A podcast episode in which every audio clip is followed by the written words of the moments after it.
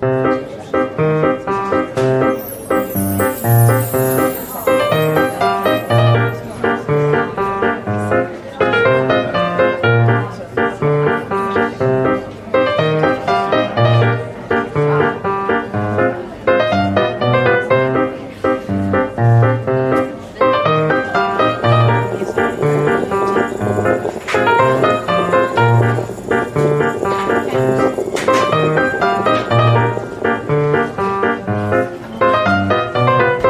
Sziasztok, ez a Kotyogó Specialty 34. adása. Itt van velem ma is Antenna. Hello. Itt van Gergő. Hello, hello. És a mai vendégünk, gyorsan lelőm a, a nevét és a titulusait, mivel olyan sok van neki, hogy el fogom felejteni, mire a végére érek. Szóval a mai vendégünk Békési Péter. Sziasztok. Okleveles erdőmérnök, geoinformatikai szakmérnök, és faápolási és fafenntartási szakmérnök. Jól mondtam? A utolsóban egy kis korrekció, faápoló, favizsgáló szakmérnök. Igen. Na, ez az. Én biztos, hogy fa, faápolási kócs, vagy valami, valami kamu szakma belejön. Nem, nem. És uh, én úgy gondoltam, hogy mindjárt kezdjük az elején uh, a tévhitek eloszlatásával, mert uh, ugye, ha megnézzük a kórház a város szélén, a szomszédokat, mindegyikben szerepel erdész, és akkor ilyen, ilyen romantikus szakmaként ott van, hogy ilyen békésen ö, járja a szép tájat, fűzi a csinos lányokat. Ez az országon máshol nem lehet, csak békésen? hogy, hogy már mész haza. Szóval nyugalomban járja a szép tájakat, fűzi a csinos lányokat, stb. És ugye él egy ilyen sztereotíp kép szerintem az erdészekről a társadalomban, hogy ők nem azok az arcok, akik beülnek egy íróasztal mögé, és ott elvégzik a, a különböző szakmai munkáikat, hanem ők azok, akik így teljesen kivannak vonulva a társadalomtól, úgy gondolom, hogy ez azért nem, nem, nem igaz a, a teljes szakmára. Segítesz nekünk kicsit így megvilágítani a, az erdész szakmának. Nem azt mondom, hogy ától zéig, a fától omegáig a felhozatalát, de hogy, hogy milyen ágazatok vannak mégiscsak, akik ezzel foglalkoznak. Hogyne, nagyon szívesen. Nyilván, ahogy minden, minden vagy nagyon sok szakterületnek itt is van egy rétegződése, hogy van van fogtechnikus, van fogorvos, itt is vannak erdész technikusi, tehát van a technikusi, ami alapvetően középiskolai, középfokú végzettség után még egy szakképesítést ad, azokból lesznek az erdész technikusok, mint ilyen végzettséggel. Mondjuk Ásodhalmon. Ásodhalmon, Szegeden, valahol Sopronban, Mátra, Füreden is, igen, tehát az nagyjából 8-9 van országosan elég jó szétszórva, és nagyjából ők, amikor bekerülnek a a rendszerbe, a, a, a hazai mondjuk azért mondom rendszerben, ők leginkább amikor az erdő gazdálkodási, tehát tulajdonképpen akik a hazai erdő, mm, erdőknek a kezelését végzik, itt nyilván megint lehet diversifikálni, vannak a magántulajdonban lévők, ahol magánerdőgazdák, oda is nyilván ők el tudnak helyezkedni, de még klasszikusan nyilván az állami állami erdőkben ők a, úgymond a leginkább az a klasszikus pozíció, amit ők betöltenek, az a kerületvezető erdész. Na most igazából rájuk igaz leginkább az a, a, az a, az a nem tévhit, hanem csak nyilván, ami kialakult a, a társadalomban, hogy ők, ők leginkább, akik járják az erdőt, felügyelnek mindenhol ott vannak, ha jön a fatolva, ő már is ott van, és, és hátukra kopogtat, hogy hello. Tehát az ő feladatkörük is alapvetően klasszikusan az, hogy van egy, van egy terület, egy x hektár, hát néhány száz hektár, ahol ott minden felelnek. Tehát a ültetésen át, a, a fakivágásokig, a, a vadászattól, a gyűjtés, bármit, tehát ott, ott mindenhez ők, ők adják ki a dolgokat, tehát ott ők kezelik, és egy a fentebb lépünk, nyilván akkor egyetemi szintű képzés, az az erdőmérnöki képzés, ez jelenleg egyedül Sopronban van Magyarországon, reméljük így is marad, és ma nem is azt, hogy ne legyen máshol, de amit a, a hazai erdésztársadalom megkíván felsőfokú szakembert, az, az elegendő, tehát hogy azért sem indult nagyon, voltak próbálkozások, de tulajdonképpen elégséges az a szakember, ami, ami egy évfolyamból onnan kikerül, és még így is azok nagyon sok felé szóródnak szét, ahogy én is erre egy jó példa vagyok, hogy nem dolgoztam ugyan a, a klasszikus erdészeti munkakörben is, de ők tulajdonképpen azok a, az erdőmérnöki pozíciót már neve is mutatja, hogy ilyen, ahol, ahol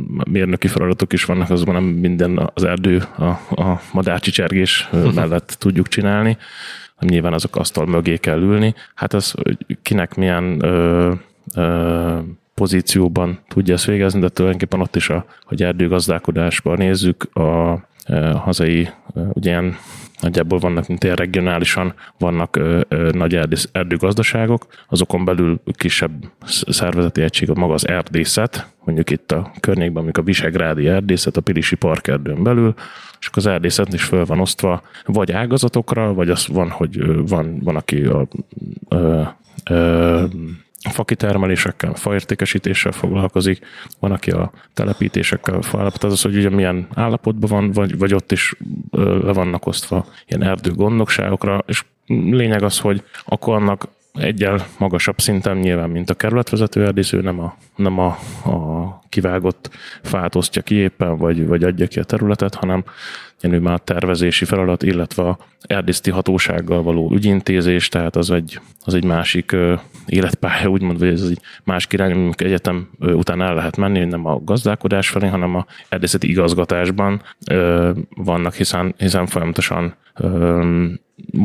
monitoringozva is vannak az erdők, amit a erdőtervezők végeznek. Erdészeti hatóságnál ők, ők tíz évente tulajdonképpen minden, minden egyes hazai erdőbe visszatérnek, és, és megnézik az állapotát, fölmérik, hogy mennyi fa van benne, tulajdonképpen milyen állapotban van, és ez mindig frissül a, hazai adatbázis is, de ott vannak a, a, a másik kategória. Ez a, ez a igen. mennyi fa van, ezt faszámlálással, tehát egyes végigmennek, vagy van egy ilyen becslés, vagy valamilyen automatizált módszer, hogy hogyan lehet ezt ö, megszámolni hatékonyan. Tehát gondolom nem sétálnak, és minden csemetét, minden fát egyesével megszámolnak. Hát nagyon sokat sétálnak alapvetően, de, de tényleg ez van, tehát vannak becslési eljárások különböző, vannak ezekhez műszerek is, amik egyébként ebbe segítenek jön itt a mm, tehát automatizált eljárás is van már, és itt, itt jön be alapvetően a térinformatika, tehát hogy ö, légifotók alapján is vannak, hogy lomtalan állapotban lehet felmérni. Vannak ezekre is az, hogy ez rendszer szinten mennyire van meg, az szerintem még nincs így átültetve, tehát az alapvetően minden egyes területre ki kell mennünk, de, de nekik is a, leterheltségükből adódóan sokszor megvan, hogy nem tudom én napi hány 20 hektárt mondjuk be kéne járniuk, és akkor nekik is megvan mondjuk egy területre, hogy mennyi idejük jut. Tehát ö, nyilván ez korlátozott, tehát nem egy-egy egyedi fánként kell, tudnak foglalkozni az erdőben a fákkal. És ez jellemző nem motorizáltan történik a kimenés, hanem, hanem ez konkrétan gyalog.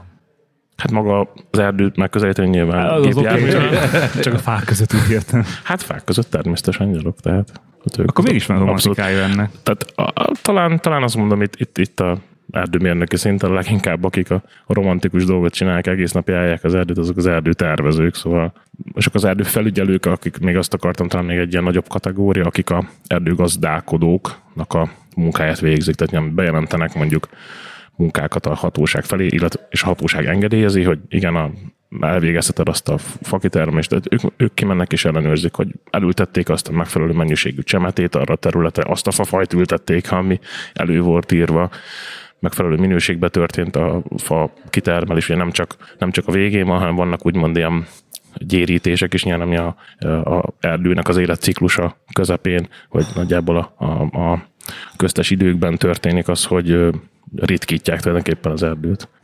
Az erdész vadászik is? Természetesen ez is... Vagy, vagy már mint hogy úgy, úgy érsz... Fatolvaj főleg. Hogy, hogy mondjuk egy erdőmérnöknél, ugye eddig csak a fáról beszéltünk, ez ilyen elvárás egyébként, hogy értsen az állatállományhoz is? Vagy, vagy, vagy erre van külön szakma? Természetesen van, tehát van, van azt mondom, nagyon régből ezek mind, akkor még nem volt, úgymond, még nem volt kifejlett még természetvédelem, természetesen az is a, a erdőmérnöknek, vagy az erdészeknek a feladatköré volt, hogy nyilván ő a védi is nyilván azt a, azt a teremtett értéket, ugyanúgy a, a vadért is felelős volt, de mm, ezek egyre inkább kifejlődött, vagy a, ilyen specifikálódott, tehát ahogy, ahogy már a vadakkal is vad gazdálkodás van, tehát nem csak az annyi van, hogy hanem, hanem tulajdonképpen az is egy kicsit már belenyúlt az ember a, a, a, a természetes területen lévő morakhoz is azokkal is van célja, és nyilván vannak területek, ahol akkor intenzíven tartanak vadakat. Ebbe a témába azért nem tudok olyan mélységesen belemenni, de, de, de lényeg az, hogy igen, tehát vannak olyan területek, itt is az igazából a kulcskérdés, hogy adott területen, ahol, ahol a, a területen ők erdőgazdálkodnak, mondjuk a állami erdőgazdaságnál, akkor ők, ők, a, ők is ott a vadászatére is a, ők a felelősek, vagy ők a területen az illetékesek. Van, ahol igen, de legtöbb esetben mondjuk erre már vadásztársaságok vannak, és akkor nyilván ott, ott vannak különböző fővadász, az, az megvannak a megfelelő elvárási képzettségi szintek, tehát Fővadász? Ez mennyire jól hangzik. Hát ez ugyanaz, mint a pipőkében. Fővadász. Főerdész, nem? Az is jó hangzik. Va- van ilyen, hogy főerdész? Hát lehet, hogy van ilyen titulus, de az ilyen klasszikusan nincs. Tehát azért, mint a főcserkész, vagy nem tudom, tehát vannak ilyen, ezek is ilyen, lehet, hogy filmekből jönnek, de. De, de, de, de tény, tényleg, ugye, amit itt az elején mondtam, hogy ilyen sztereotipizáltan jelenik meg az erdész minden filmben, nagyjából ugyanúgy, hogy zöld ruhában van puskát visszavállán, és háromnegyedes nadrágot hord hosszú zoknival, ugye ez a klasszikus filmes erdész vadászkép, és ezt összemossa, és azért is gondoltam, hogy ezt próbáljuk kicsit szétoszlatni, ezt a sztereotíp képet, ugye, hogy, hogy Igen. egy erdész ez nem ez igazából. Azért hozzátartozik, tehát hogyha most azt nézzük, hogy az oktatás során elég sok erdőjárás van, elég sok uh, gumicsizmával a minden betaposás, tehát hogy azért benne van ez is. Nem rövidgatjában ez így van, tehát hogy de ez lehet, hogy másik film volt, én bőrnadrágos, az nem biztos, hogy az erdészethez tartozik, amire te gondolsz. Szerintem a főerdész az inkább ilyen, ilyen középkor és utána, tehát hogy volt a király mellett a főerdész, aki vadászati és mindenért felel, tehát az inkább ilyen mese jellegű. Um, Ja, de vadászathoz egyébként az mennyire függ össze? Tehát amikor a fáról, a fa vagy az erdőtervezésről beszélünk, akkor ez mennyire köthet össze a vadállományjal? Tehát ez ilyen együttműködés, vagy az erdészet eldönti, hogy ott milyen fa kell, és azt az állatok meg majd alkalmazkodnak hozzá? Hát ilyen szintű kapcsolat alapvetően nincsen, amire nyilván van figyelem és, és van együttműködés, hogy akár Hát az inkább mondjuk a, nem a, nem mondjuk a klasszikus nagyvadakra érthetően, de mondjuk a, a mondjuk a védett madarakra illetően, tehát mondjuk amikor költési idő van, mondjuk ilyen ezek, ezek és itt jön, itt jön a, a szakmáknak a kapcsolata, hogy mondjuk akkor a természetvédelmi hatóság mondjuk korlátozza az adott területen a, a végezhető munkákat, hiszen akkor költési, fészkelési idő van, és mondjuk ott van egy ö, ö, ilyen ők megfigyelték, hogy ott, ott költ egy fekete gólya, nyilván nem, nem, nem látunk, mert nem a életvitelét tekintve nem a emberek között van, mint a fehér gólya, hanem sokkal elszigeteltebben erdőkben, és akkor, ilyen, akkor van abszolút arra figyelem, hogy meg kell, hogy együttműködjenek ezek a szakterületek, hogy, hogy abban az esetben ott ne, ne háborítsák, tehát ne akkor legyen a termés, hanem akkor azt időzítsék máskorra. Ez sok rétű, tehát van, van amikor árterületen van terület, erdőterület, tehát van, ott, ott vízügyesekkel kell együttműködni, tehát ez, ez ilyen folyamatosan. Ezek, ezek, ezek jogszabályokban is elég komolyan rögzítve vannak, úgyhogy... Akkor ez tényleg el lehet képzelni, hogy gyakorlatban ez így működik, hogyha ott van egy például az említett fekete gólya, akkor az ott felborítja gyakorlatilag a tervezett menetrendet, és akkor új, új, újra tervezni, hogy akkor ott mikor lehet az erdőgazdálkodást tovább végezni. Tehát ez, ez tényleg így van a gyakorlatban. Ha dokumentáltan látta valaki a fekete gólyát ott. Nem, mert ez egy, ez egy iszonyat megnyugtató dolog lenne tudni, hogy ez tényleg működik, és, és, és akár egy gólya miatt is, de akár igen, alapvetően azt mondani, igen, ez működik. Tehát ö, nem mondom, hogy minden védett madára ki van ez hegyezve, hiszen még azért elég ö, termetes egy fekete gólya, hogy azt észre lehessen igen, igen, lehet, hogy a legkisebb ö, ö, szárnyasokat még nem veszik észre, vagy van, ami tudom, akár denevérek, ilyesmi, erre akár itt majd a városok tekintetében vissza lehet térni az ő esetükben, mi, a, mi, a, mi az eljárás, hogy mi szokott ö, történni. A, igen, azt kell, azt kell itt látni, hogy nyilván a, aki gazdálkodik a területen, a, itt ezek a tulajdonát tekintve ezek állami erdőterületek, a gazdálkodás van, végzik rajta, állami erdőterületen az erdőgazdaságok, uh-huh. és nyilván az is, egy, az is az állami érdek, a természetvédelem. Tehát itt, itt nekik, nekik itt úgymond kutya kötelességük ebbe együttműködni, aki ezeken a területeken gazdálkodik, vagy ott a, ott a védett értékekért felelős, de ugyan, tehát hogy ez nyilván van a, amire mindig jobban dobban a szívünk egy védett madára, de, de ugyanúgy ez is egy állami feladat például, hogy, hogy ö, ö, ilyen közjóléti feladatok tulajdonképpen leginkább előkerülnek az erdőbe, hogy akkor legyenek ott ilyen erdei játszóterek, legyenek kihelyező dolgok. Így van, tehát hogy aha. sok olyan dolog van, főleg még itt a Budapest környéki erdőkben azért nagyon sok úgymond fel van tárva, hálózat, tehát van nagyon sok turista utak, turista, tehát hogy ilyen szempontból is nagyon sok minden van, ami milyen nem tartozna alapvetően, ha csak az erdőgazdálkodásra koncentrál, de ez itt van, van egy ö, ezekre is nyilván tekintet, tehát ez ilyen ezekre együtt kell működni, és ez nem probléma alapvetően. Szuper. Én szerintem meséltem már nektek többször róla, hogy én imádom ezeket a, az erdészetek által bizonyos időszakokban kiadott erdészházakat, vadászházakat, stb., mert egyrészt olcsón, idézőjelbe téve lehet kivenni. Én nagyon szeretek kint lenni a, a természetben.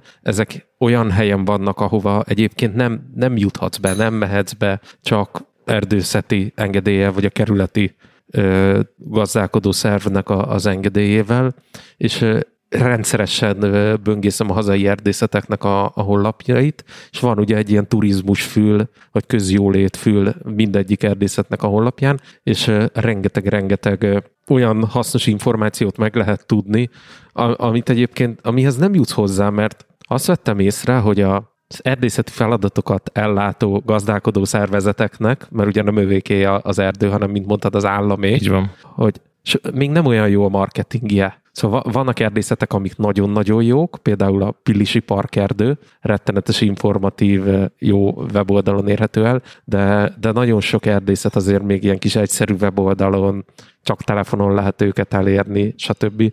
Érdemes böngészni, ajánlom nektek is. Régen volt ilyen gyűjtő oldal, hogy erdei szállások.hu, vagy valami ilyesmi, de sajnos megszűnt. De hogy kicsit tovább kanyarintsuk még itt a, a történet fonalát, hogy rátérjünk konkrétan, mint emberre, aki valamilyen életpályát már azért befutott ebbe a szakmába. Amikor te végeztél ugye Sopronba erdőmér, okleveles erdőmérnökként, Szerintem még egyet lépjünk vissza, hogy hogy, hogy lett valakiből az az elgondolás, hogy hogy lett valakinek az az elgondolás, hogy erdész legyen, vagy ez, ez egy, hogy lett ez a romantikus ötlet? Igen, ilyen van a klasszikus életpálya kezdet ilyen szempontból, hogy már nagyapám is mm.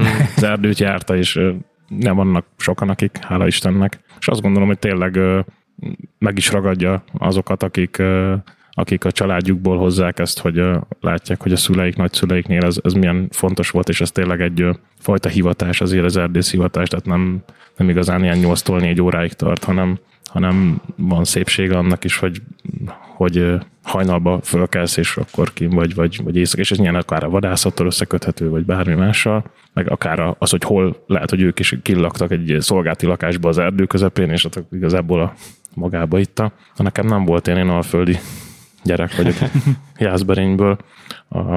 Nekem alapvetően, ami, ami hozta magát a természet szeretetet is, én gyerekkorom óta cserkész vagyok, táboroztunk, mindenféle jártuk a természet, és nyilván amikor oda kerültem, hogy pályaválasztás, akkor, akkor az volt bennem, hogy valamilyen szakmát választok, aki, aki közel van a fákhoz, vagy az erdőhöz, és ehhez minél jobban lehet lenni, és akkor igazából még nem volt személyes kapcsolatom se, csak elkezdtem nézni, és, és igazából én jártam ilyen nyílt napokra, és, és Sopron megfogott nyilván maga a, a, a város és a, a diákhagyományok is, de azért azt láttam, ott fel is mértem talán, hogy talán ez a legkomolyabb szakma, aki itt a, itt a fákkal, erdőkkel foglalkozik, és aztán utána magával ragadott az egész. Hát hisz az egyetem is egy erdő vagy egy parkban van, ami, ami gyönyörű, és, és nagyon szó elképzeltem, amikor ott sétált, hogy milyen jó lehet így órák között ott kiülni, olvasgatni, nem tudom. Tehát, hogy én, én nagyon sokszor voltam Sopronban, és mindig szívesen megyek vissza, minden évszakban nagyjából. Aki esetleg nem volt még érdemes, tehát hogy nagyon érdemes akár csak az egyetem épületeit megnézni, vagy a környező erdőket is, vagy hát, ha jól tudom, ott van a, a környéken az országban az egyedüli templom, ami egybe kocsma is, tehát hogy érdemes az ide kilátogatni. De akkor te nem középiskolától indultál az erdészet nem, felé? Nem, nem. Aha. Tehát ez egy teljesen normális dolog, vagy járható út, hogy, hogy bármilyen középiskolából, gimnáziumból egyetemi szinten csatlakozik valaki az erdészethez, vagy van valami alapelvárás ehhez a felvételinél, hogy nem tudom, van erdőszeretett felmérés, hogy hát nincsen, nyilván, ahogy, ahogy más területeken ott is vannak, hogy miért kapsz pluszpontot, azt hiszem, és biológiából felsőfokúztam érettségén, de de alapvetően nem volt, tehát hogy alapjáraton bárki, bárki választhatja ezt a pályát, és akkor meg, meggyőződik arról. Túl kell élni azért az egy-két, első egy, két évet, amikor még nem nagyon van szó erdőről, hanem csak a mérnöki tantárgyak, de itt, itt engedj, engedj meg egy kis rövid kitekintést azért az egyetemi oktatásnak a különlegességére. Most közvetve, de el fogjuk árulni, hogy mi ketten mennyi idősek vagyunk, mert ugye abba az időszakba kerültünk oda az egyetemre, amikor létrejött ez a bolonyai rendszer. Igen. Ugye alap- és mesterképzésekre szétválasztották. Igen. És az erdőmérnök képzés az klasszikusan öt éves egyetemi képzés volt mindig is. Igen. És ebbe az időszakba bejött az, hogy szétszették az erdőmérnök képzést is három plusz két évesre. Így van. Ha jól tudom, emiatt óriási lázadás is volt. De miért az ugyanúgy öt év? Tehát akkor most mi változott? De, ne, de várjál, ahhoz, hogy te erdőmérnök legyél, elég volt három évet járnod. Ha. És, Papíron legalábbis. Igen, igen, igen, igen, igen. Nem sokan csináltak három évig, ugye? Egy, jó, egy, valaki elvégezte a három éves képzést hat év alatt, valaki az öt éves képzést hat év alatt. Vannak De... három éves nyolc év alatt. ki attól függ, ki hova járt. Ez már megszűnt, ugye? Hogy, hogy, most, hogy most már csak... Érdekes egyébként, mert egy pont, pont jó alany találtatok erre a dologra, én elég jól el tudom ezt mondani, mert pont az én évfolyamomban indult. Hát azért tudom, mert egy évfolyam vagyunk egyetemügyileg. Év, tehát 2006-ban indult az egész, tehát mi évfolyamunkkal kezdődött, és tulajdonképpen ez már 2010-ben ö, visszaállt az osztatlan képzés a erdőmérnöknél, tehát kilobbizták tulajdonképpen mindenféle szinten a, a szakma, tehát a, a, nem csak az egyetem, hanem ténylegesen a szakmai érdekképviseletek is, is jártak, ahova, ahova szükséges volt, hogy ezt kijárják, hogy nyilván maradt, tehát amikor a bevezették a bolonyi rendszert, akkor is maradt néhány képzés, azt hiszem orvos, nem tudom, történet, nem tudom, pár, igen, néhány igen. maradt, tehát hogy volt az, hogy ne csak mi legyünk már kivételezettek, hanem volt már kivételezett, vagy, vagy nem kivételezett, hanem így lett meghatározva, hogy nem tudom, 5-6 szakterület, aminek a képzése nem bántották, és igen, az volt a cél, hogy az erdőmérnök is tartozzon ide, ezért és ezért és ezért. És tulajdonképpen mi folyamunk az egyedüli, akik vagyunk 20 néhányan, akik én is dupla vagyok erdőmérnök, mert van egy alapszakom, meg egy mester diplomám is, mert a tehát minket nem volt már érdemes, tehát amire 2010-hez értünk, mi már nekünk meg volt az alapszakos diplománk, és amikor elkezdtük a mesterfokot, igazából akkor ért oda a dolog, hogy na, akkor most, mostantól aki, aki kezd, akkor újra az öt éves rendszerbe kezdheti, és tulajdonképpen alattunk lévő folyamokat is még vissza tudták tenni, hogy a osztatlan, de minket már nem volt értelme, ott vagyunk 20 néhányan a országban, akik alap- és mesterfokú.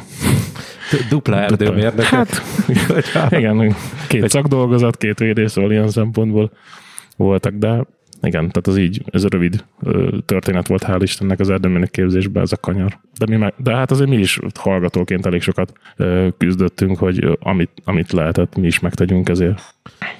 Ott vagy az egyetemen, elvégezted az egyetemet, vagy, vagy megszenvedted az első néhány évet először. Ugye mit tanultál úttervezést, geodéziát, igen, igen. stb., aminek így első gondolatra semmi köze a, a, az erdőmérnökséghez. Itt a matematika, fizika, ezek, igen, a, ezek igen. a klasszikus szórótárgyak. Statisztika, igen, igen. Statika, ilyenek. Ami, amik, amiket amikor ott ülünk benne az egyetemen, ugye azt mondjuk, hogy na ennek semmi értem, ez butaság mi az Istenért tanuljuk ezt. Például a mérnök informatikus filozófiát, ugye? Hogy a kód lefut, addig filozofálj. Jó, hát ezt már számtalanszor elmondtam, ugye itt most közülünk én vagyok a, leg, a legiskolázottabb, én ugye villamosmérnök pályára próbáltam ráállni, és ahogy te is mondtad, az első két év, az nem kerültünk villany közelébe. Hát hanem kötött pályás volt. Csak a matematika, a lineáris algebra és, és a többi, amiből én sajnos, sajnos, sajnos ki is szóródtam. Úgyhogy én úgy is maradtam. Ezért jó mindig hallgatni egyébként a ti ilyen egyetemi történeteiteket, mert nekem ezek sajnos kihaladtak. Ilyen nem maradt ki, te is voltál csomószor, én is ábrázoló geometriából jelentős mennyiségű vizsgán és pótvizsgán jártam. Meg hány, hány makettet hánytam le? Mánt az ágyhol, mert útba volt. Hogy túljutsz ezeken az alapozó tárgyakon, akkor utána ez a, én a képzést azt úgy képzelem el, hogy ez egy teljesen gyakorlatias jellegű oktatás folyik. Ez így van? Valóban? Hát nem, tehát, vagy hogy mondjam, szerintem tehát nincs, nincs rá lehetőség se, tehát annyira gyakorlatias legyen. És illetve itt is egy mérnöki szinten azt kell látni, és nyilván azért van annak előnye, aki már erdész technikusi, vagy ha nem is szerezte meg a technikusi végzettséget, de erdész szakközépből érkezik, mert ott van igazán a gyakorlatok. Aha. Tehát ott igazán járnak nagyon sokat erdőre, és figyelik, és részt vesznek, és feladatok vannak azzal kapcsolatban.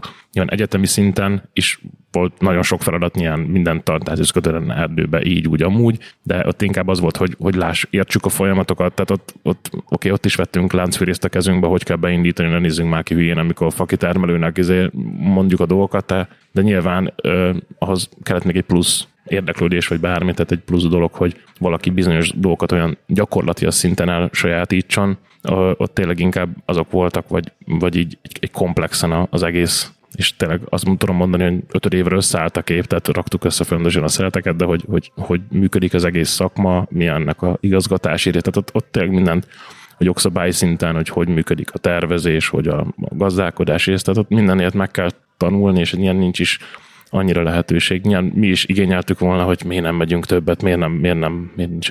Leginkább amik nagyon-nagyon jelentettek, és sokat, hogy voltak, minden évben voltak igazából tanulmányutak, azok ilyen egyhetes tanulmányutak, és, és ott, ott, ott nagyon sok az, az volt a jó, hogy akik fogadtak minket országba egy, egy erdőgazdaság, maga az emberi része is nagyon sokat tett, hogy ott amilyen, tehát ilyen itt, itt megint bejön az a selmeci hagyományokból az a, az a kollegálitása, hogy már minket hallgatóként kezeltek ott, de hogy láttuk is azokat az embereket is, akik már benne vannak tizen, több évtized ebbe a szakmában, hogy ők mennyire szeretik a szakmájukat, és ők hogy mesélnek róla, és és hogy ott, ott, ott, ott miket szívtunk magunkba, ez adott talán erőt, hogy ezt érdemes végigcsinálni, mert ez nekünk is tetszik, és ez jó, jó lenne ebbe dolgozni, ezt a hivatást űzni. A, a külföldi erdészet, vagy erdőkezelés, az mennyire tér az itthonitól? Tehát van egy ilyen, más erdők vannak, más, másképp kell hozzányúlni, vagy az alapok ugyanazok, és igazából a helyi, nem tudom, jogszabály által külüli dolgok változnak? Igen, tehát ezt tudom, amennyire van erre rálátásom, voltam kin erasmus tehát nagyjából Lengyelországban láttam néhány példát, tehát meg volt néhány lehetőségem, de azért túl sok nem, hogy, hogy a külföldi erdőgazdálkodási viszonyokat. Tulajdonképpen valahol meghatározza az, hogy maga társadalom, tehát hogy a, ott mennyire el maradottak, ez nem, nem jó kifejezést használnak, bocsánat. Tehát, hogy kicsit a, a technológiai fejlettség is, hogy tehát nekünk is ez még 20 évben azért eléggé, meg most is még azt mondják, a sok, hogy, hogy a, mondjuk a mezőgazdasághoz képest eléggé előregedett a, a hazai erdőkbe használt gépállomány, meg a technológiai fejlettség, tehát lehetne ezekbe sokkal jobb, és ilyen, ezek, ezek esetleg határoznák meg, hogy milyen eljárásokkal lehet. Azt gondolom, hogy, hogy eléggé igyekszik lépést tartani, és elég sokszínű a hazai erdőgazdaságban az erdőállományok is, mert itt van a, tulajdonképpen van az a rész, amit talán ti is láttok, ha jártok az utakon, hogy, hogy mentek el egy erdő mellett, és nem annyira, nem egy ilyen bozontos, el, el lehet bújni benne, hanem ilyen sorokban vannak a fák, ugye ezek a legkevésbé természetes erdők, ezek a fa ültetvények, tulajdonképpen itt, itt aztán tényleg olyan, olyan szintű, mint hogyha répák lennének sorba is ezek, ezek rövid vágásfordulójú, ezek, ezek olyan célral vannak, tehát nagyon van, van, és hát nyilván a klasszikus, amit mindenki szeret, és amiben lehet menni, gombászni, táborozni, minden, ezek nyilván ezek a természetes erdők. Szóval. Így a, a, az országok közti együttműködésről, nem tudom, hogy erre van esetleg valami rálátásod, hogy mi van azokkal az erdőkkel, ami mondjuk pont a határon fekszik. Mert nyilván az országhatár keresztül vágja, de az mégiscsak egy erdő, nem? Tehát, hogy egy ökoszisztéma, akkor azt ott hogy kezelik? Vagy... Hát ennyire konkrét példát nem tudok, tehát, hogy de, de nyilván az elsődleges, ami felülírja ezt nyilván a határa, ami van egy közigazgatási hmm. határ, és tulajdonképpen akkor értem, hogy az úgy egy erdő öko, ökoszisztémailag. Fentről nézve, tehát amennyi én laikusként látom, ránézek a térképre, az ott egy, ja, egy hát erdő. Jó, jó, oké, tehát nyilván vannak erdőtömbök, de hát azok mind, mind, mind külön kis e, egységekből állnak. Oh. Hát én azt gondolom, Ezek hogy... a kerületek, amiket már többször említettél? Hát a kerületek inkább gazdálkodási egységek, ah. vagy, vagy a, ugye a az erdészten belül vannak kerületekre osztva, de ami a legkisebb egysége, ami a gazdálkodás egysége egy erdőnek, úgy hívjuk egy erdő részlet. Aha. Erdő részlet. Ezek mondjuk így fél hektártól azt hiszem 20 hektárig, ha jogszabályt most nincsen teljesen előttem, lehet attól függően, hogy hol és mekkora, utána vannak erdőtagok, ezekben egyébként vannak, amikor túráztak, ezekre vannak is ilyen, ilyen olyan jelölések, de ilyen, aki nem beavatott, az csak azt hiszi, hogy valaki T betűket rajzol a fákra. De ilyen ezek visszajelzések mondjuk, hogy akik benne dolgoznak, tudják, hogy ott a határa annak a erdőrésznek. De leg, legfőképpen igen, olyanok egy árok határolja, vagy egy, egy út, vagy egy bármi, tehát a, ami, ami vannak sokszor természetes határai, de ha, ha egyszerűen akkor az erdőtömbot, ami egybefüggő, akkor ez nem nincs egybekezelve, hanem az is akkor le van osztva kisebb részre. Ugyanakkor nyilván van összhang, vagy van arra, hogyha azonos fafajú, azonos uh-huh. korú, és akkor, akkor viszonylag azért egybe kezeljék pont a ökoszisztémai indokok miatt. És én azt gondolom, hogy ahol esetleg valaki teljesen a határ mellett gazdálkodik, és, és van ennyi, akkor tehát természetesen van itt a országok közötti együttműködés, de, de az, hogy most egy kicsit ez szerintem az a példa, hogy, hogy hiába a falunk, ahol lakom, a szomszédos településsel összeköti az út, de pont megye határon van. És akkor az utat, útburgatot megcsináltak a megye határig, de hiába egy út, az már másik megye, igen, másik, igen, másik. Tehát, hogy ilyet én is az, az, ugyanolyan rossz minőségű, tehát a feléig el tudunk hmm. rendesen menni, és másik nem. Tehát, hogy nyilván más a termesztő ökoszisztéma, de, de kicsit megint itt a bürokrácia szerintem felülírja ezt a dolgot, és az, hogy másik, hat, másik ország, másik jogszabályi másik környezet szerintem nem feltétlenül van ebben ennyire. Hogyha, hogyha a technikai dolgoktól eltekintünk, akkor van ilyen erdő gazdálkodási fejlődés? Tehát most nem tudom, ki kell termelni többet, vagy az az irány, hogy, hogy nem termelünk ki annyit, vagy másképp kezeljük. Mert nyilván ez más, mondjuk nem tudom, Dél-Amerikában, más Ázsiában, és más valószínűleg Észak-Amerikában, meg Európában, tehát mindenhol azért más a sajátosság de hogy van olyan, olyan irányelvek, ami na most akkor így kéne csinálni, vagy nem tudom, többet kéne a természetnek visszaadni, vagy kevesebbet visszaadni, vagy vannak ilyen elvek, amik így változnak, vagy, vagy, vagy, van, vagy ez így, így megszületett valamikor, kitaláltátok, hogy hogyan legyen az erdőgazdálkodás, aztán nagyjából azt éljük.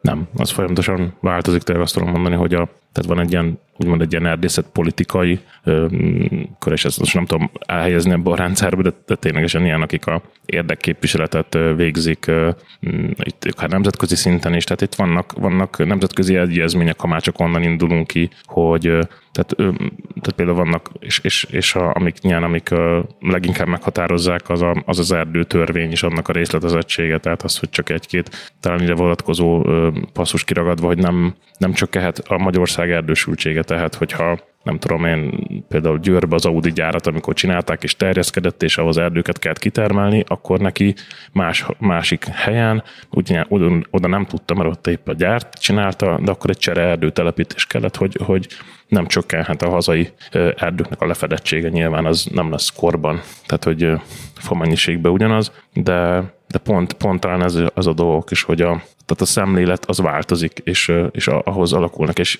hát az minden inkább a természetesség felé van egy fokú. Tehát azért a társadalom is hatással van, igenis, főleg a, hogy az állami erdőben mi történik, nyilván mindig egy külön kérdés, hogy most magántulajdonban ahhoz, ahhoz feltétlenül nincsen. Ö, ö, tehát a magán erdőgazdálkodókat is köti a, a jogszabályi környezet, de olyan szempontból pedig, tehát itt, itt van ilyen ez a külső hatás, ami, ami mindannyiunkra hatással van, itt a, a klimatikus változások. Tehát itt, itt vannak olyan természetes folyamatok, amiket igazából követni kell a, a gazdálkodásba is, tehát nagy, tehát például egy fenyő pusztulást, egyszerűen, ahogy, ahogy szárad a klímánk, ezt mindannyian tapasztaljuk, hogy, hogy egyre kevésbé párásabb a környezet, tehát ha csak a saját kertünket nézzük, akkor tuják mennek ki pont ezért, mert a légköri szárasság oly mértékű, hogy ők ezt már nem viselik. Ugyanez van, hogy fent a, a Mátrába pedig már, meg, meg ahol még voltak fenyő erdőink, az Magyarország jelenlegi határainkon belül, ezek egyre fogynak, hm.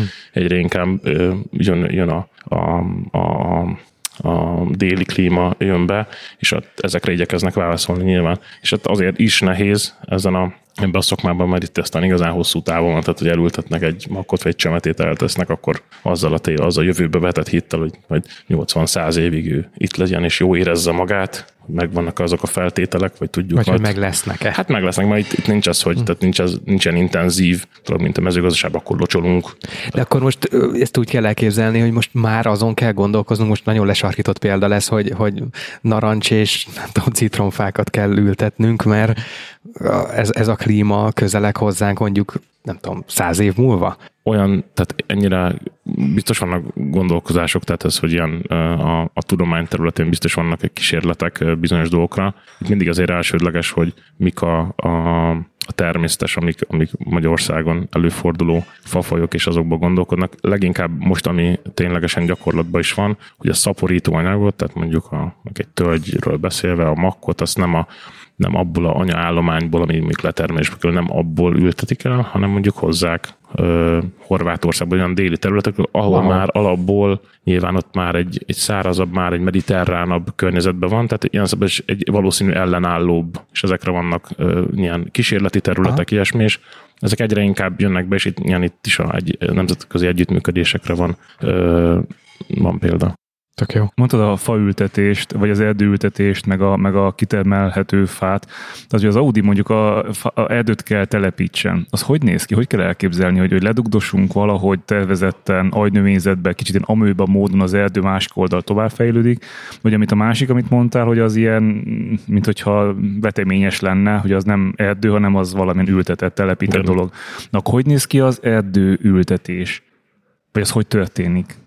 Tehát amikor a erdő telepítés van, tehát a két kifejezés van ebből, hogy akkor még ezeket, ha már erről beszélgetünk, akkor itt a titeket és maga hallgatókat is fertőzöm ezekkel a kifejezésekkel. Erdőtelepítésről akkor beszélünk, hogyha azon a területen mondjuk tehát teljesen más művelési ágú volt, ez nem erdő volt, hanem egy mezőgazdasági szám, bármi más. Tehát ott előtte nem erdő volt, akkor ott telepítésről van szó. Erdőfelújítás az pedig az a, a folyamat, hogyha előtte volt ott egy, egy erdő, ami letermelésre került, fel, az felújítjuk az erdőt, tehát hogy ott ténylegesen erdő mm-hmm. volt, erdő lesz. A legklasszikusabb ez, amikor nem is kell semmit elültetni, mert vannak olyan erdők, amik, amik maguktól megújulnak, és akkor már, amikor óvatosan, úgymond körültekintésekkel magát a, a fákat is, idős fákat kitermelni, hiszen már ott vannak alatuk a csemeték, amiket csak már ezek mind fafai adottságok, meg, meg, meg adott klimatikus adottságok, hogy mi az, ami tud így fejlődni, még a bükker egy jó, nagyon jó példa, hogy fafaját tekintve, de, de nagyon, a legtöbb esetben azért az van, hogy mesterséges szaporítóanyagra van szükség. Ez vagy csemete, vagy mak, tehát akkor makvetéssel történik a, a, az, a, az ültetés. És hát természetesen itt is hát gépek végzik, tehát sorok vannak, meg, meg előírt csemete szám van, és akkor megvan, hogy soronként ezek megvannak-e. És tulajdonképpen ahogy telnek az évek, az évtizedek, az úgy kezd vadregényes lenni, ahogy ugye nem minden egyik gyorsabban fejlődik, másik, tehát hogy el tud száradni, meg ilyen a, a, vannak a belenyúlások, és úgy, úgy lesz az a, az a rendezettség, az úgy válik egy kuszába, jönnek a cserjék, tehát akkor el fog tűnni az a szabályosság. Nyilván más az ültetvényeknél, ahol felgajazzák magasig, ott aztán nincsen szint, ott, ott fontos a tisztántartás, ez egy teljesen más technológia és más céllal van. És hogyha az Audi esetében azt most az Igen. Audi az, az egy rossz példa, de, de hogy valamilyen uh, telepített erdő esetén azt nézzük, hogy kell nekik valahány hektárt, vagy sok hektárt uh, kötelezően telepíteni. Itt a sikerességet is nézzük, hogy mondjuk 10 év múlva, 20 év múlva az ne halljon ki, tehát arra is kell vállalást tegyenek, vagy igazából magát az ültetést, a telepítést azt uh, finanszírozzák, elvégzik, és onnantól kezdve meg hát ha kihalt, kihalt, na bum. Nem, nem, tehát hogy ez uh, mindenképp tehát most az Audi tekintetben nem tudok válaszolni, hogy mi, a, mi ott a, a, az elvől, elvárt jogszabályi előres, nyilván neki finanszírozni kell magát a telepítésköltséget, és vélhetően még x évig a fenntartás költségeit is, hiszen igen, itt van, és itt van a erdőfelügyelőknek, a erdőfelügyeletnek a, a szerepe, hogy ők megnézik utána az eredést, hogy mennyire, tehát az, igen, itt, itt, itt, az is szóba jön, hogy milyen minőség az a szaporítóanyag, amit eltettek, hogy tényleg meg tud eredni. Tehát nyilván itt szóba jön egy asszályos év is, és bizony-bizony pótolni kell, amilyen esetben, ha eléri kritikus szint alá esik, hogy nem tudom én, megvannak itt a százalékos szintek, figyelik, tehát és van egy olyan szint egyébként, van egy, amikor egy erdőnek a fejlődési szintje, amikor már azt lehet mondani, hogy magára lehet hagyni az erdőt, és nem kell ö, fontosan nézni. Hát nem csak a pótlásról van szó, hanem ugye az egy dolog, hogy mi elültetünk azon a területen valamit, és azt várjuk, hogy az a fa nőjön, de hát olyankor ott elkezd burjánozni minden, ami van, tehát hogy jönnek a, a cserjék, a, a mindenféle ö, lágyszárúak, amik gyorsabban nőnek, mint egy lassú növekedésű fa, és ott, ott évekig azon kell dolgozni, és ez nagyon kemény kézi munka is legtöbb esetben, hogy azok a fa, fát segítsük, hogy az tudjon nőni, és amikor az már ott kinőtt a, és itt, a, itt még, meg, megint van kapcsolódás a vadgazdálkodáshoz, hiszen a vadok is nagyon szeretik a fiatal fákat, azok a hajtásait, tehát az, hogy nagyon sok helyen azért látunk az erdőkben mentén kerítéseket, most minek húztak fel kerítést, azért mert, mert védik, tehát ott akkor a, a vad ö, ö, sűrűség van, hogy, hogy ott muszáj védeni, fizikai védelmet biztosítani annak a fiatal erdőnek, hogy amíg van egy ilyen kifejezés, amíg ki nem nő a vad szájából az erdő, addig, tehát nagyjából nem éri ezt a két és fél három méteres magasságot, akkor utána már tud gondoskodni magáról, és akkor le lehet bontani a kerítést. De amúgy tök jó kérdéseket feszeget Antenna, mert én napról napra kapok olyan hírleveleket bizonyos cégektől, vagy, vagy nagyobb üzletektől, vagy multicégektől, hogy minden vásárlás után tíz fát elültetünk. Ezt hogy, hogy kell ezt elképzelni? Ilyenkor mi történik? Tehát, hogy van, van egy szervezet, akinek odaadják a pénzt, hogy barátom, ültesse el tíz fát. Ah, és ennyi. Na, ah, igen, kanyarjunk vissza. Aha, ö, hogyha megengeditek itt az általános ö, nagy erdészeti témaköröktől, ö, lehet, hogy kicsit komfortosabb zóna fele kanyarodunk, ami, ami, ami a te szakterületed is, hogyha, hogyha jól tudom.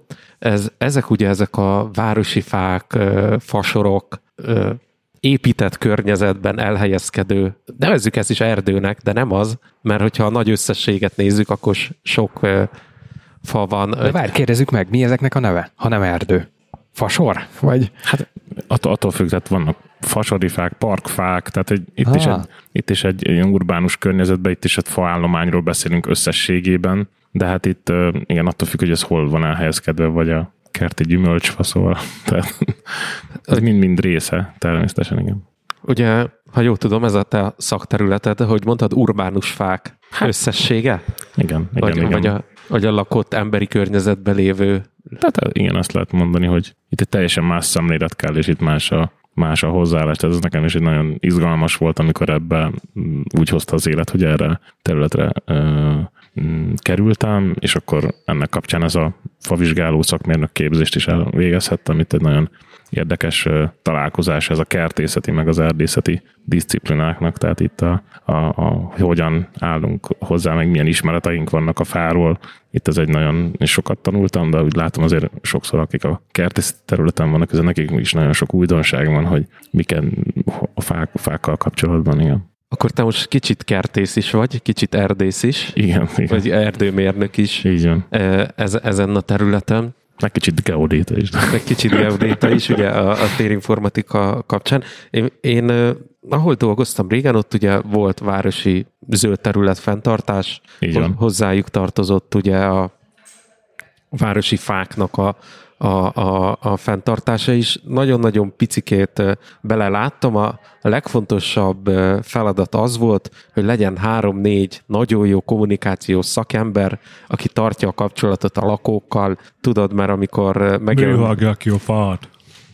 Pontosan, amikor megjelenik a láncfűrészes ember, vagy valaki csak egy kis metsziollóval megközelít egy fát, akkor a lakosság az írtózatosan hangos tud lenni. Na hát ezt meg miért csinálják? Kipusztítják. Ez nagyon jó példa egyébként, hogy amikor a, a parlament környékén kivágtak nagyon sok nagyon sok, néhány viszonylag nagy és vastag fát, és ott hagyták az önköt, és látszik szépen bejelölve, hogy, hogy a belseje az üres, hogy ez, ez halott volt belül, vagy hát beteg volt, nem tudom, tehát beteg volt, vagy halott volt, vagy valami, tehát hogy hiányzik a belseje, és hogy igazából az a vastag fa, hogy az valójában egy beteg fa volt, és ez, ez látja a oda megy, megnézi, hát akkor jó. Tehát, hogy ez, ez tényleg így van, hogy ez így ilyenkor érdemesebb kivágni, kell kivágni, vagy ez csak, nem tudom, uh, ilyen megnyugtatás, hogy... Elterelés. Elterelés, igen. Nem, hát tulajdonképpen azt onnan kell kicsit uh, ránézni az egész dologra, és a, az alapvetést, hogy ezeket a fákat mi emberek ültettük be azért ebbe az épített környezetbe, ezt a városi dzsungelbe, ahol, ahol betelepültünk, és egyre inkább modernizálódunk minden tekintetben, hogy valamilyen szinten még jó érezzük, még, még élhetőnek legyen ez az egész, mert nem lennének ezek a zöld színek, nem lennének ezek az árnyékos részek, amik, amik hűst adnak, ami, tehát minden egy, ezerféle féleképpen szolgálnak minket a fák, akkor egyszerűen nem lennének élhetőek ezek a helyek, de szerintem ezt mindenki meg tudja erősíteni. Viszont ezek azt is tudjuk, hogy ezek, ezek nem ideálisak. Ezeknek a növényeknek nagyon sok szempontból a maga a környezet is, tehát ugye valamit látunk, ami ilyen a föld feletti része, a, a föld alatti része, ahol a gyökerek vannak, hát a, ugye az, az, az stabilizális, az, az, az tápanyagot biztosít, és akkor berakjuk egy ilyen, ilyen kis kockába, ami, ami ki van vágva ott a betonból, hogy na, ez egy fahely, akkor, akkor, akkor azért nagyon kérdés, hogy a fa, fának lent mennyi, lehetősége van gyökereivel elvégezni azokat a feladatokat, amit természetes környezetben ezeket tud végezni, és akkor itt még jönnek azok a dolgok is, hogy na, akkor el kéne húzni, itt kábelt fektetünk, itt nem tudom, mit csinálunk, patkát rakunk, és akkor, akkor nyesik el a fáknak a gyökereit, és a föld felett pedig, pedig mennek az autók, mert út, út, mit tudom én, lámpa van, kresztábla van, ezért nyessük a fát, mit tudom én, felső vezeték jön az émász, ott aztán tényleg csak az van, akkor 8 méter magasságban minden egyenesen, szóval azért elég sokat kapnak itt a fák a, a, a, a városokban, szóval, és, és tulajdonképpen és akkor megint viszont az is fontos, hogy ezek hát ez hatalmas termetűre nőnek, tehát hogy jönnek a egyre nagyobb viharok, és akkor jönnek a félelem is, és sokszor jogos félelem, hogy akkor hú, milyen kiborul, itt áll a kocsival, itt van a házam mellette, tehát tulajdonképpen nagyon fontos az egészségi állapotok, illetve azt, azt, azt, azt nyomon követni, és azt szerint elvégezni megfelelő beavatkozásokat, amennyiben van lehetőség, és hát itt, itt, itt jön itt egy nagyon fontos szerep a favizsgálóknak. Neked vagy nektek, vagy a fővárosnak, vagy bármelyik városnak, ugye itt már pedzegettük, hogy neked van egy geoinformatikai szakmérnök képesítésed. Igen. Gyorsan fölvázoljuk, hogy, hogy mi is az a, az a geoinformatika. Ő az a szakember, aki adatbázissal foglalkozik, de nem informatikus, térképpel foglalkozik, de nem térképész, hanem azzal foglalkozik, hogy ezek az adatok fönn vannak egy térképen. Ez nagyon leegyszerűsítve ez a geoinformatika lényege. Különböző térbeli pontokhoz hozzárendelt információk tömegével gazdálkodik, rendelkezik, kezeli. E, ez, ez a geoinformatikus, térinformatikus, és városoknak van egy ilyen egy, nem is egy, hanem nagyon sokféle óriási rendszere, amiben a városi fákat nyilván tartják, hogy milyen állapota van, mikor vizsgálták utoljára, kell-e locsolni, metszették, kimetszette, hova tette, stb. Ezt az adatbázist kezelette, vagy inkább kimész, és mindenféle mágiával szemrevételezi. Szemrevételezed a, az állományt nagyon tájékozottak vagytok a, e, a e téren. Térinformatikában és geodéta témában egyébként volt már vendégünk, uh-huh. tehát volt, érdeklődtünk a téma iránt. Igen. igen. Na, tehát, hogy igen, ami fontos, hogy igen, tehát ahogy arról beszéltünk, hogy a városi faállományokat is valaki, meg valakinek a, a gondja, hogy, hogy ezekkel foglalkozzon, ezek mindig a adott közterületnek a fenntartó, tehát nagy, alapvetően a városok, vagy azok az adott településnek a, a, a, a feladata, hogy ami közterületen lévő fák, növényállomány, azoknak a, úgy, úgy, azoknak a fenntartása, és nyilván itt a, egy fontos szempont mindig a, a, a biztonságos fenntartása, tehát hogy ez ne okozzon e, személyi vagy egyéb anyagi e, kárt, és az ilyen ahhoz, ahhoz megfelelő egészségi állapotba kell lenni. Na most ugye ezek e, viszonyítva mondjuk egy erdőgazdálkodás, itt azért fontos, hogy egyet szinten legyen a fákkal foglalkozva egy-egy fával, mert ezek el vannak szórva. Itt, itt egy fasor, de ott, ott, ott csak itt, itt egy-egy fa van, másik, amikor mondjuk parkok vannak, és egy összefüggőbb dolog, de, de vannak ugye itt ö, intézmények, mondjuk akár óvoda, udvar, iskola udvaron lévő fák, tehát, és, és ezekről, és ezek nagyon fontos és nagyon nagy segítség, ha ezekről van egy ténylegesen egy, egy adatbázis, hogy, hogy milyen fáink vannak, hol, milyen állapotban. Tehát ezt hívjuk ilyen fakatasztárnak, faleltárnak.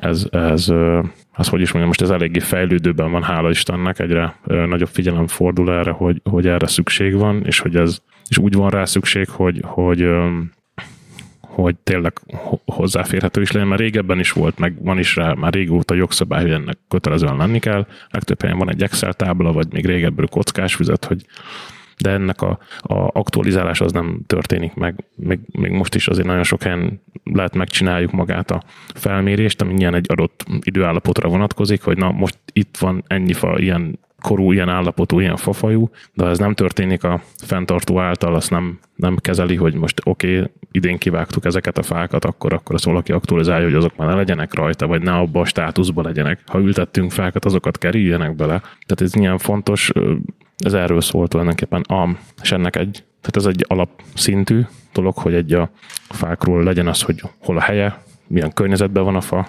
egy, egy ilyen általános leírás, milyen para, fizikai paraméterei vannak a fának, mekkora, milyen ezekből lehet akár ilyen korbecslést csinálni, és amikor arról van már szó, hogy hú, azt azért meg kéne nézni a szakembernek, mert, mert itt valami gond van, és, és hogy most ez milyen súlyos, és milyen beavatkozás igényel, akkor, akkor ö, írnak elő, hogy akkor, akkor jön képbe egy, egy favizsgáló, aki akár szemrevételezéssel, amennyiben, tehát nagyon sok, nagyon sok jelet adnak ezek a fák, hogy, hogy milyen állapotban vannak, nagyon sok ö, visszajelzés, és nagyon sokat tanulunk is ebbe a képzésbe erről, hogy, hogy milyen, milyen rendellenességei vannak egy fának, mi az, ami, ami is arról mire, mire lehet következtetni.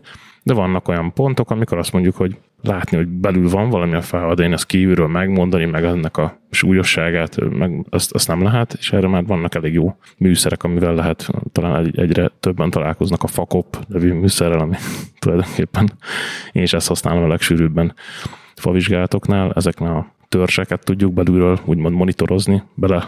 Ez hogy ez, ez, ez, ez a fakop igazából egy digitális harkály? Mondjuk úgy, igen. Ez kopogtatja a fát, és a hang... Vagy... Én, én, én, én vagyok a kopogtató.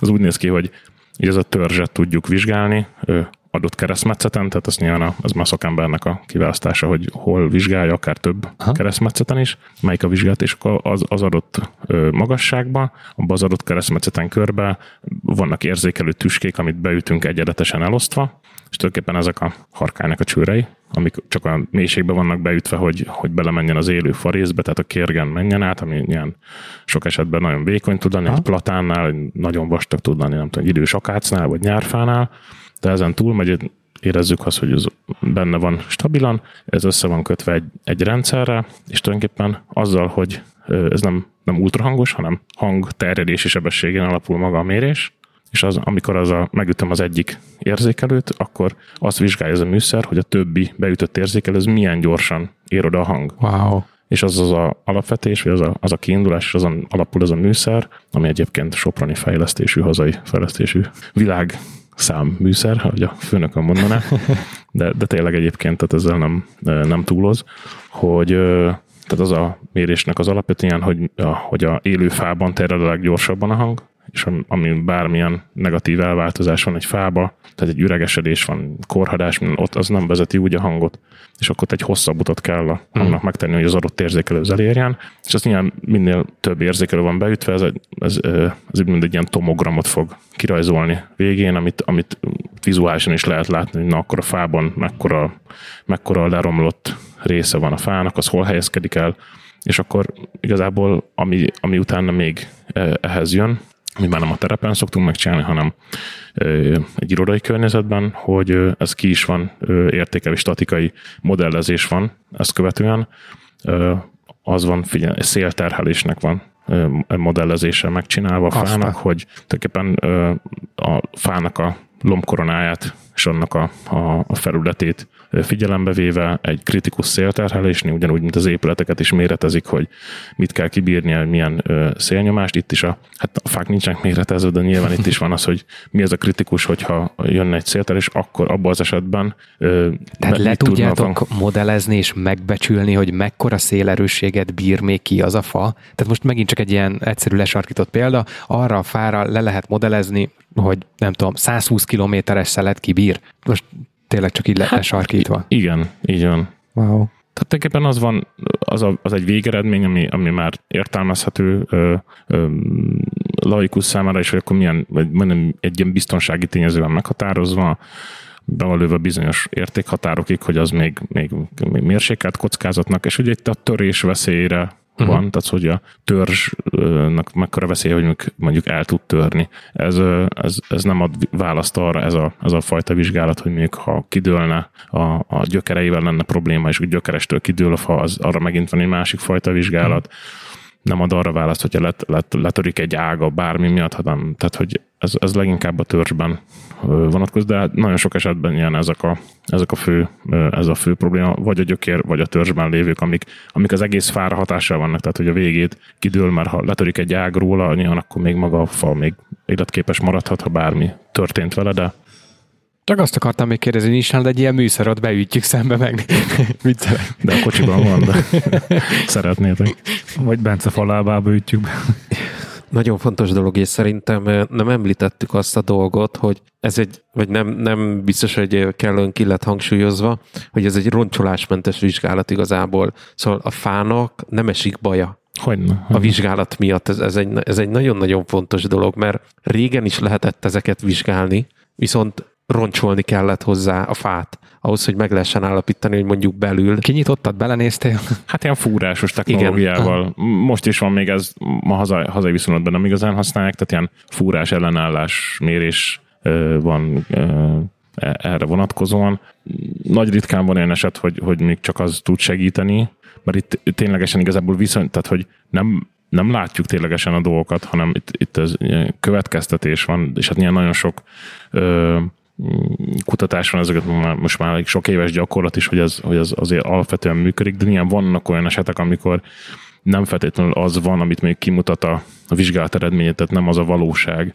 Mondjuk, csak mondjuk egy példát, mondjuk egy, van egy ilyen, hogy ilyen csillagos repedés a fának, mondjuk, ami igazából csak a, a geszt, ami a legbelső része a fának, ott van egy ilyen csillag alakú repedés minden irányba, és az kimutatja nekem a műszer, hogy ott teljesen üreg az egész. Nem, csak ugye a repedésen nem megy át ugyanúgy a hang, mint uh-huh. hogyha valami nagy üreg lenne, tehát másképp. Tehát itt következtetünk igazából a, a, ezekből a sebességértékekből, hogy mi lehet a belső, de azért alapvetően, és hát nyilván ezért is kell a szakember, hogy, hogy meg tudja az és van, hogy nem feltétlenül hiszek a műszernek, vagy van az, azt lát, vagy, vagy, vagy a másik véglet, amikor nem, nem, tudom, nem tudom kimutatni műszerrel, ami valamennyire látszódik vizuálisan, hogy mekkora a gond, és valamiért nem tudja kimutatni azt úgy, és akkor, és akkor nyilván azért is kell a szakembernek a helyén való értékelése, hogy, hogy még azok a vizuálisan tapasztalt dolgokkal súlyozva, vagy azt mondom, hogy nincs is akkora baj, mint amit a műszer kimutat, vagy, vagy azt mondom, hogy függetlenül attól, hogy mert egyébként ami befolyásolja nagyon sokszor ennek a vizsgálatnak az eredményét, amikor már vissza van vágva, nem tudom, agyonra fának a koronája, és igazából a visszavágás helyén a nagy vázak, azok odvasodnak, korhadnak be, és igazából tehát nagy a veszély neki, csak igazából nem a, nem a teljes. Tehát van egy nagyon vastag törzs, és van rajta egy, egy kis korona, de mondjuk a törzs már, már tiszta odvas belülről, de mégsem fog nekem rossz értéket kiadni ez az eredmény, mert nagyon kicsi a koronája, és tehát nincs ami a szél, ami ugye nincs, uh-huh. nincsen felület, amit a szél terhen, és ezért azt mondja, hogy ú, az még nagyon jó, nagyon sokáig jó, de, de már lát, látszódik, hogy azt már ott veszélyesebb, nagyon kockázatos azt ott megtartani. Tudsz esetleg néhány ilyen izgalmasabb vizsgálatot?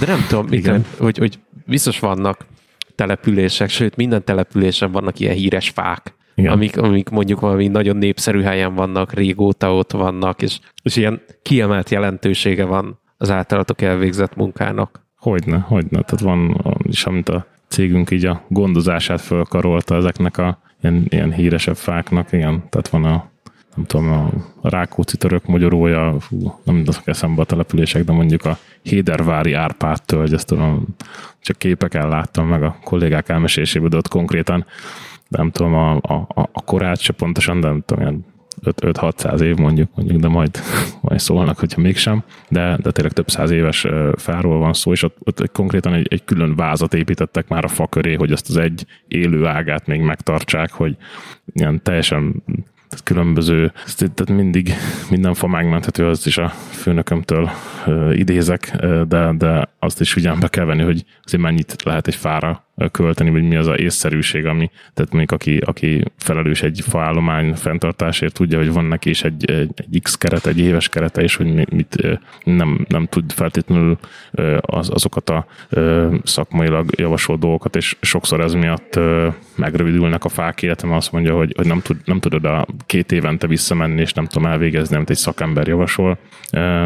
És ebbe, ez egy lassú folyamat ebbe, hogy, hogy több több figyelem is, és nyilván ezáltal több, több forrás is jusson azoknak ezeknek a zöld terület fenntartásra, mert, mert megigényelnék a fák is ugyanaz, hogy, hogy ne, csak, ne, ne csak ritkán és akkor drasztikusan nyúljunk hozzájuk, mert akkor hú-hú nagy a baj, hanem, hanem, hanem sűrűbben, kevésbé. Kicsit olyan, mint a fogorvos, nem? Ez minden, autó, minden, tehát hogy azt gondolom, hogy hogy, hogy itt is ez a, ez a dolog, és, és hát sajnos a végletek vannak leginkább még az emberek fejébe, hogy ha ültetünk, az jó, ha kivágunk, az rossz, de, de a kettő között foglalkozni kell vele, az, az, az mindig úgy elsikad. És álnaív kérdés lesz egyébként, de van elég fa a városokba? Vagy, vagy hát, nincs ilyen, hogy elég, vagy kevés, vagy, vagy, vagy ez függ az adott területtől, a társadalmi igénytől, bármitől? Nyilván vannak különböző részei egy, egy városnak, és van, ami, ami sokkal, sokkal zöldebb, ha, ha csak meg is nézzük, vagy, vagy csak járunk azokba az utcákba, de Budapestnek is vannak nyilván sokkal zöldebb, mondjuk egy 16. kerület, összehasonlítva mondjuk itt egy 9 vagy egy 5. kerülettel. De itt tulajdonképpen el is fogynak, mert minden le van betonozva, mi van le van aszfaltozva, elfogynak a terület a fáknak, illetve hatalmas házak vesznek itt minket körül. Itt, itt nyilván kevésbé tudják itt, itt jobban fasorok vannak még, meg valamelyest, illetve ilyen próbálnak ilyen zöld szigeteket nagyvárosokba kialakítani, így a park, és akkor ha valakinek nagyon hiánya van a fákból, akkor menjen oda. Hát ez, ez abszolút egy nagyon nagy ö, ö, szemléletbeli váltás kéne, meg, meg összefogás, hogy, és hát ezekre vannak példák, hogy, hogy amikor felújítanak egy teret, hogy akkor egy picit más szemlélettel legyen, és hogy akkor biztosítsunk már árnyékot az embereknek, és ne feltétlenül napvitorra legyen az az árnyék, hanem nem hosszabb távon, mert, mert az emberek is jobban érzik magukat, ha, ha fák alatt tud fűsölni. Van, vannak egyébként ilyen, ilyen pro tippek, hogyha én, mint otthoni ember, családi házba lakó, szeretnék ültetni a, az árukpartra valamit, akkor, akkor mire figyeljek oda? Mert hogy odaültetek egy random fát, azt már tudjuk, hogy az nem jó hogy teljesen ész nélkül valamit, mert van a felső vezeték, vannak gyökerek, vannak különböző tereptárgyak az utak mentén, járda mentén, vagy, vagy ez, ez, ez még attól is függ, hogy hol van egyáltalán ez a családi ház az országon belül? Olyan szempontból az mindenképp fontos, hogy, hogy ez az én tulajdonomon van az a terület, vagy sem. Tehát ez sokan nyilván, és itt, itt a fővárosban is, de, de vidéken meg abszolút van, hogy na, a házam elé már ültetek egy fát, de az tulajdonképpen az közterület, és ott Igen. megy a vezeték, akkor azt utána és én ezt nem kezelem, akkor, akkor nyilván a, a, a fenntartónak a kötelessége, hogy akkor ott ne érje el, és akkor ha, ha azt ott nem úgy nyúl hozzá a fához, hogy én nekem tetszene, vagy nyilván le, le, le, lefelez, lefejezi, lenyakazza a fámat, mert nyilván a felső vezetéket megzavarja, tehát hogy ott, ott mindenképpen, hát vannak erre helyi szabályzások, hogy egyáltalán lehet-e, vagy mit enged, meg maximum lehet, hogy megvannak a méretek adva legtöbb esetben. De itt, itt, itt megint arra kell gondolni, amikor elültetünk egy fát, azért utána lehet most már elég sok olvasni, hogy milyen termetű lesz az a fa, hogy hány méteresre, mind, mind kiterjedésében, mind magasságában, hogy mekkorára fog nőni, ha meglátom, hogy lesz neki hely. Tehát inkább azt kell figyelembe venni, hogy hosszú távon, és itt megint ez a kérdés az, hogy hm, most egy két, tehát nem is fogja gyorsan elérni azt a részt, hanem, hanem, hanem elültetem, már azt kell vizionálnom, hogy ott, ott van az a fa kifejletten, az ott elfére, nem egy, egy, egy kocsi beálló mellé akarom, a folyamatosan útban van, és mindig visszanyesem a fát, és utána majd csodálkozok, hogy nem érzi jól magát, hanem ahova elültetem, legyenek meg megfelelő ö, tér is álljon rendelkezésére a fának, fényviszonyok, tulajdonképpen ha, ha, ha ezre figyelünk, akkor többi az meg már olyan kérdés, hogy most nem tudom, mint egy ilyen a, a talán mostanság inkább azok jönnek, hogy, hogy olyanokat, amik nagyon ilyen rögzöldeket, vagy olyanok, amik igazából nem bírják ezeket a száradó klimatikus viszonyokat, az kevésbé érdemes, hiszen azok, azokkal, azokat fontosan öntözni kell, ilyesmi azokat, és az legtöbb esetben kertisztek adok, adnak erre tanácsokat, vagy lehet ezekre kérni vagy esetleg a termésére. Nyilván vannak, aminek mérgező, mondjuk egy tiszafának azért nem sok része van, ami nem mérgező, és van kisgyerekes család, tehát van nagyon sok ilyen szempont. nem tudom, eperfa termésére sokat szemetel, vagy jönnek a darazsak, vagy ilyesmi. Ez kicsit akkor olyan, mint a hús, húsvétkor kicsi nyuszit venni a, a, a gyereknek, hogy ez nem, nem csak egy egyszeri alkalom, hogy most megveszem és cuki, hanem a, ugyanúgy gondozni kell, sőt egy fát valószínűleg sokkal tovább. Hogyne is. Hát nyilván a, a, a díszfáknál, tehát nem gyümölcsfáról és nem azért ültetem, mert, mert, mert szeretném majd a termésével bármit is készíteni, vagy főzni belőle, hanem, hanem a díszítő értéke miatt ott sokszor... Amit igen. egyre többször látok, olvasok, hogy tudatosan azért tesznek fákat mondjuk egy új építésű ház bizonyos pontjaira azt a típusú fát, hogy hosszú távon gondoskodjanak például a nyári passzív hűtéséről az épületnek. Hogyne? És akkor az is egy, egy elég komoly tervezést igényelhet, mert én is láttam már a családon belül ilyet, hogy elültettünk egy fügefát, és eltelt három év, és már útban van a annyira, annyira benőtte például a terasz sarkát, hogy se a terasz nem érzi jól magát, se a va.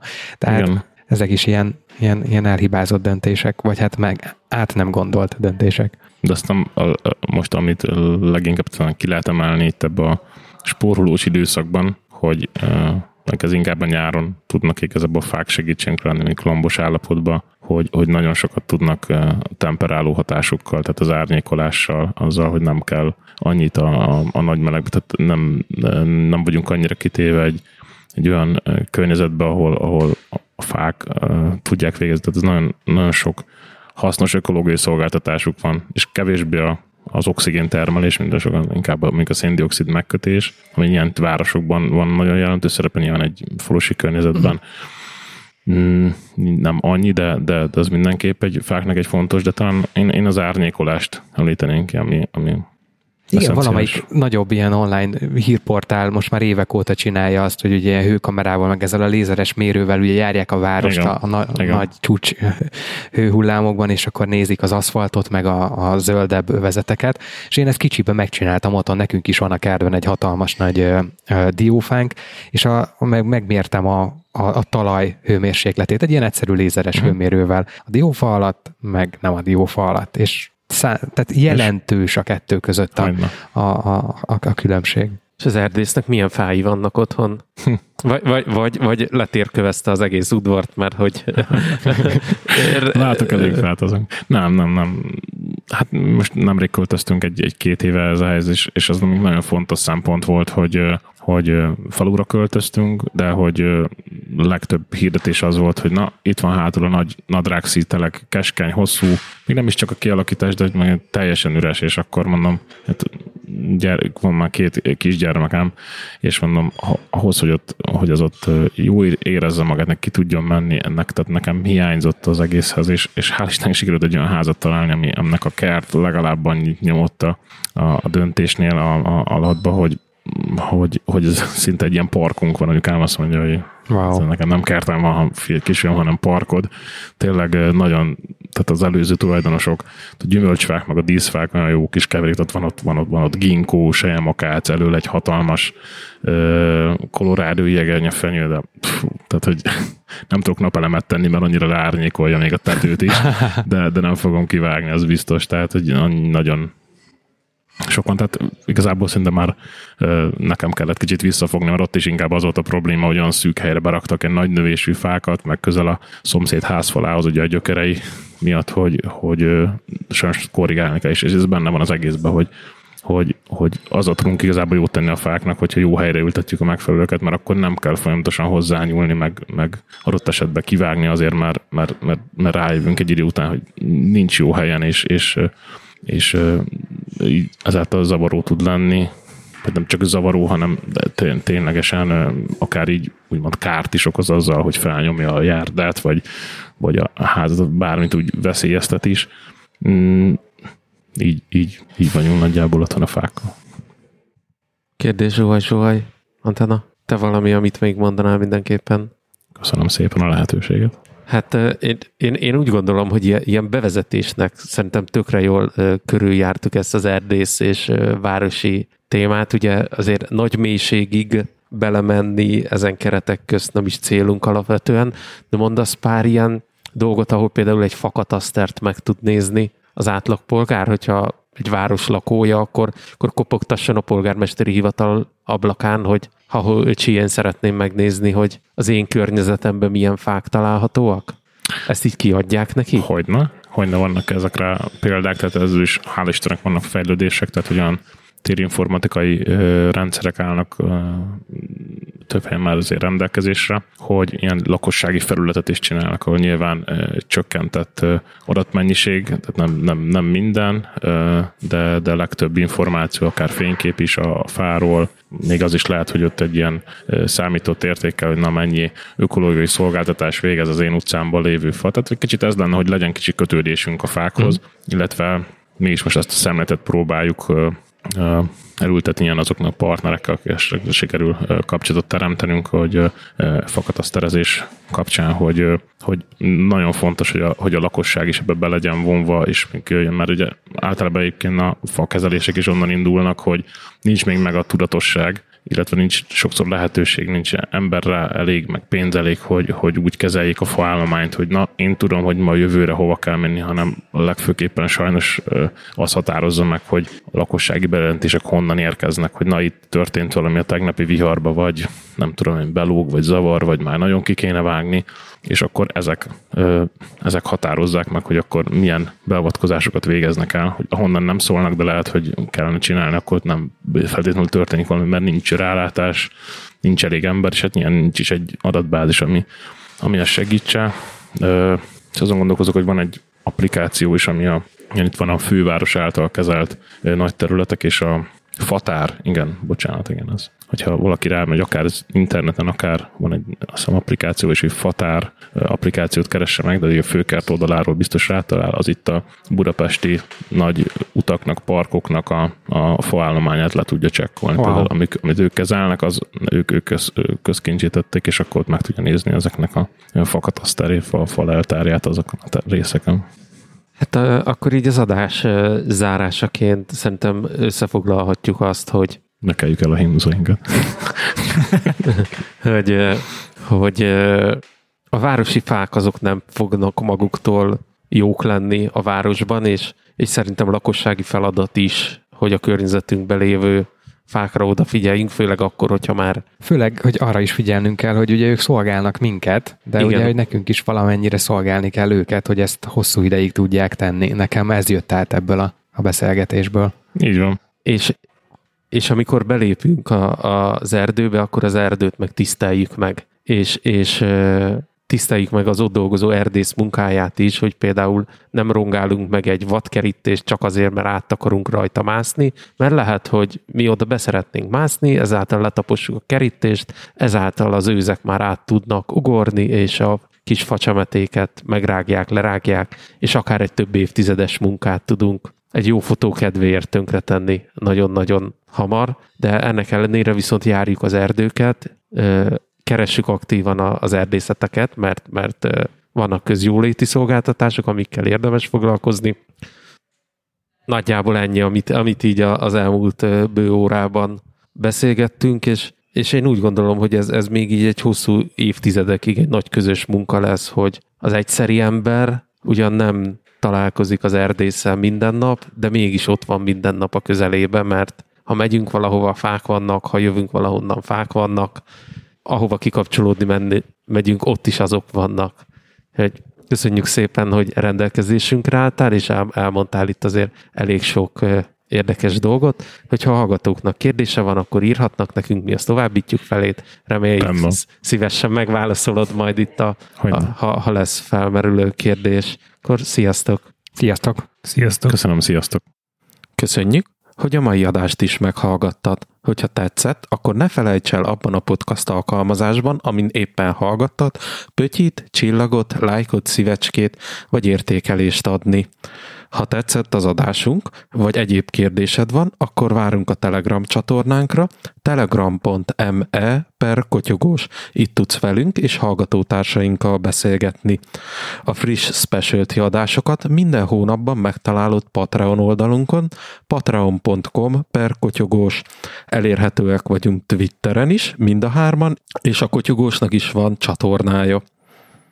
Weboldalunk a kotyogóspodcast.hu, ahol minden adáshoz megtalálod az adásnaplót, és az összes adásunk szépen sorba ott van. Ha tetszett az adás, ne felejts el feliratkozni. Találkozunk a specialty adásokban minden hónapban, és minden kedreggel ott vagyunk a lejátszódban.